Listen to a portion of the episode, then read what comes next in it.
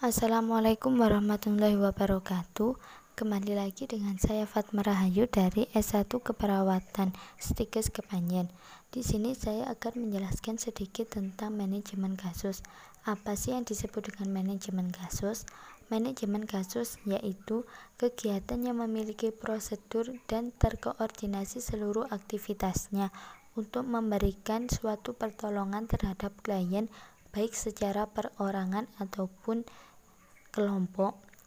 Tujuan dari manajemen kasus sendiri yaitu dapat mengakses dan mengkoordinasikan suatu pelayanan sehingga kelompok klien yang sangat rawan akan mendapatkan pelayanan yang komprehensif secara berkesinambungan dari waktu ke waktu. Contoh dari manajemen kasus sendiri yaitu seperti masalah yang terjadi di lingkungan sekitar. Seperti yaitu saya pernah mendapati seorang lansia yang terkena hipertensi tanpa adanya gejala. Diketahui lansia tersebut terkena hipertensi setelah melakukan pengukuran tekanan darah sebelum dilakukannya vaksinasi.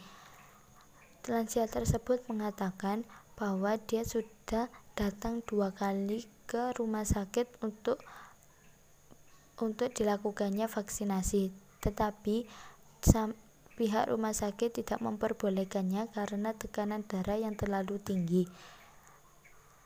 Lansia tersebut juga mengatakan bahwa dia jarang sekali pergi ke pelayanan kesehatan untuk memeriksakan kondisinya dikarenakan jaraknya yang terlalu jauh dan tidak ada yang mengantarnya.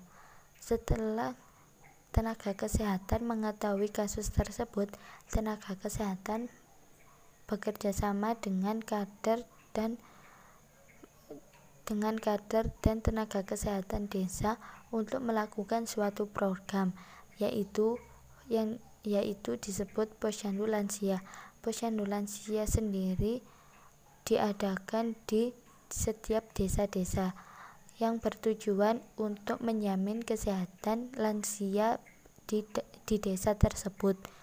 Posyandu lansia sendiri ditujukan untuk khusus lansia yang ingin memeriksakan kesehatannya dan dilakukan biasanya sekitar dua minggu sekali ataupun satu bulan sekali sehingga lansia yang ingin memeriksakan kondisinya tidak perlu jauh-jauh ke puskesmas ataupun rumah sakit untuk memeriksakan kondisinya.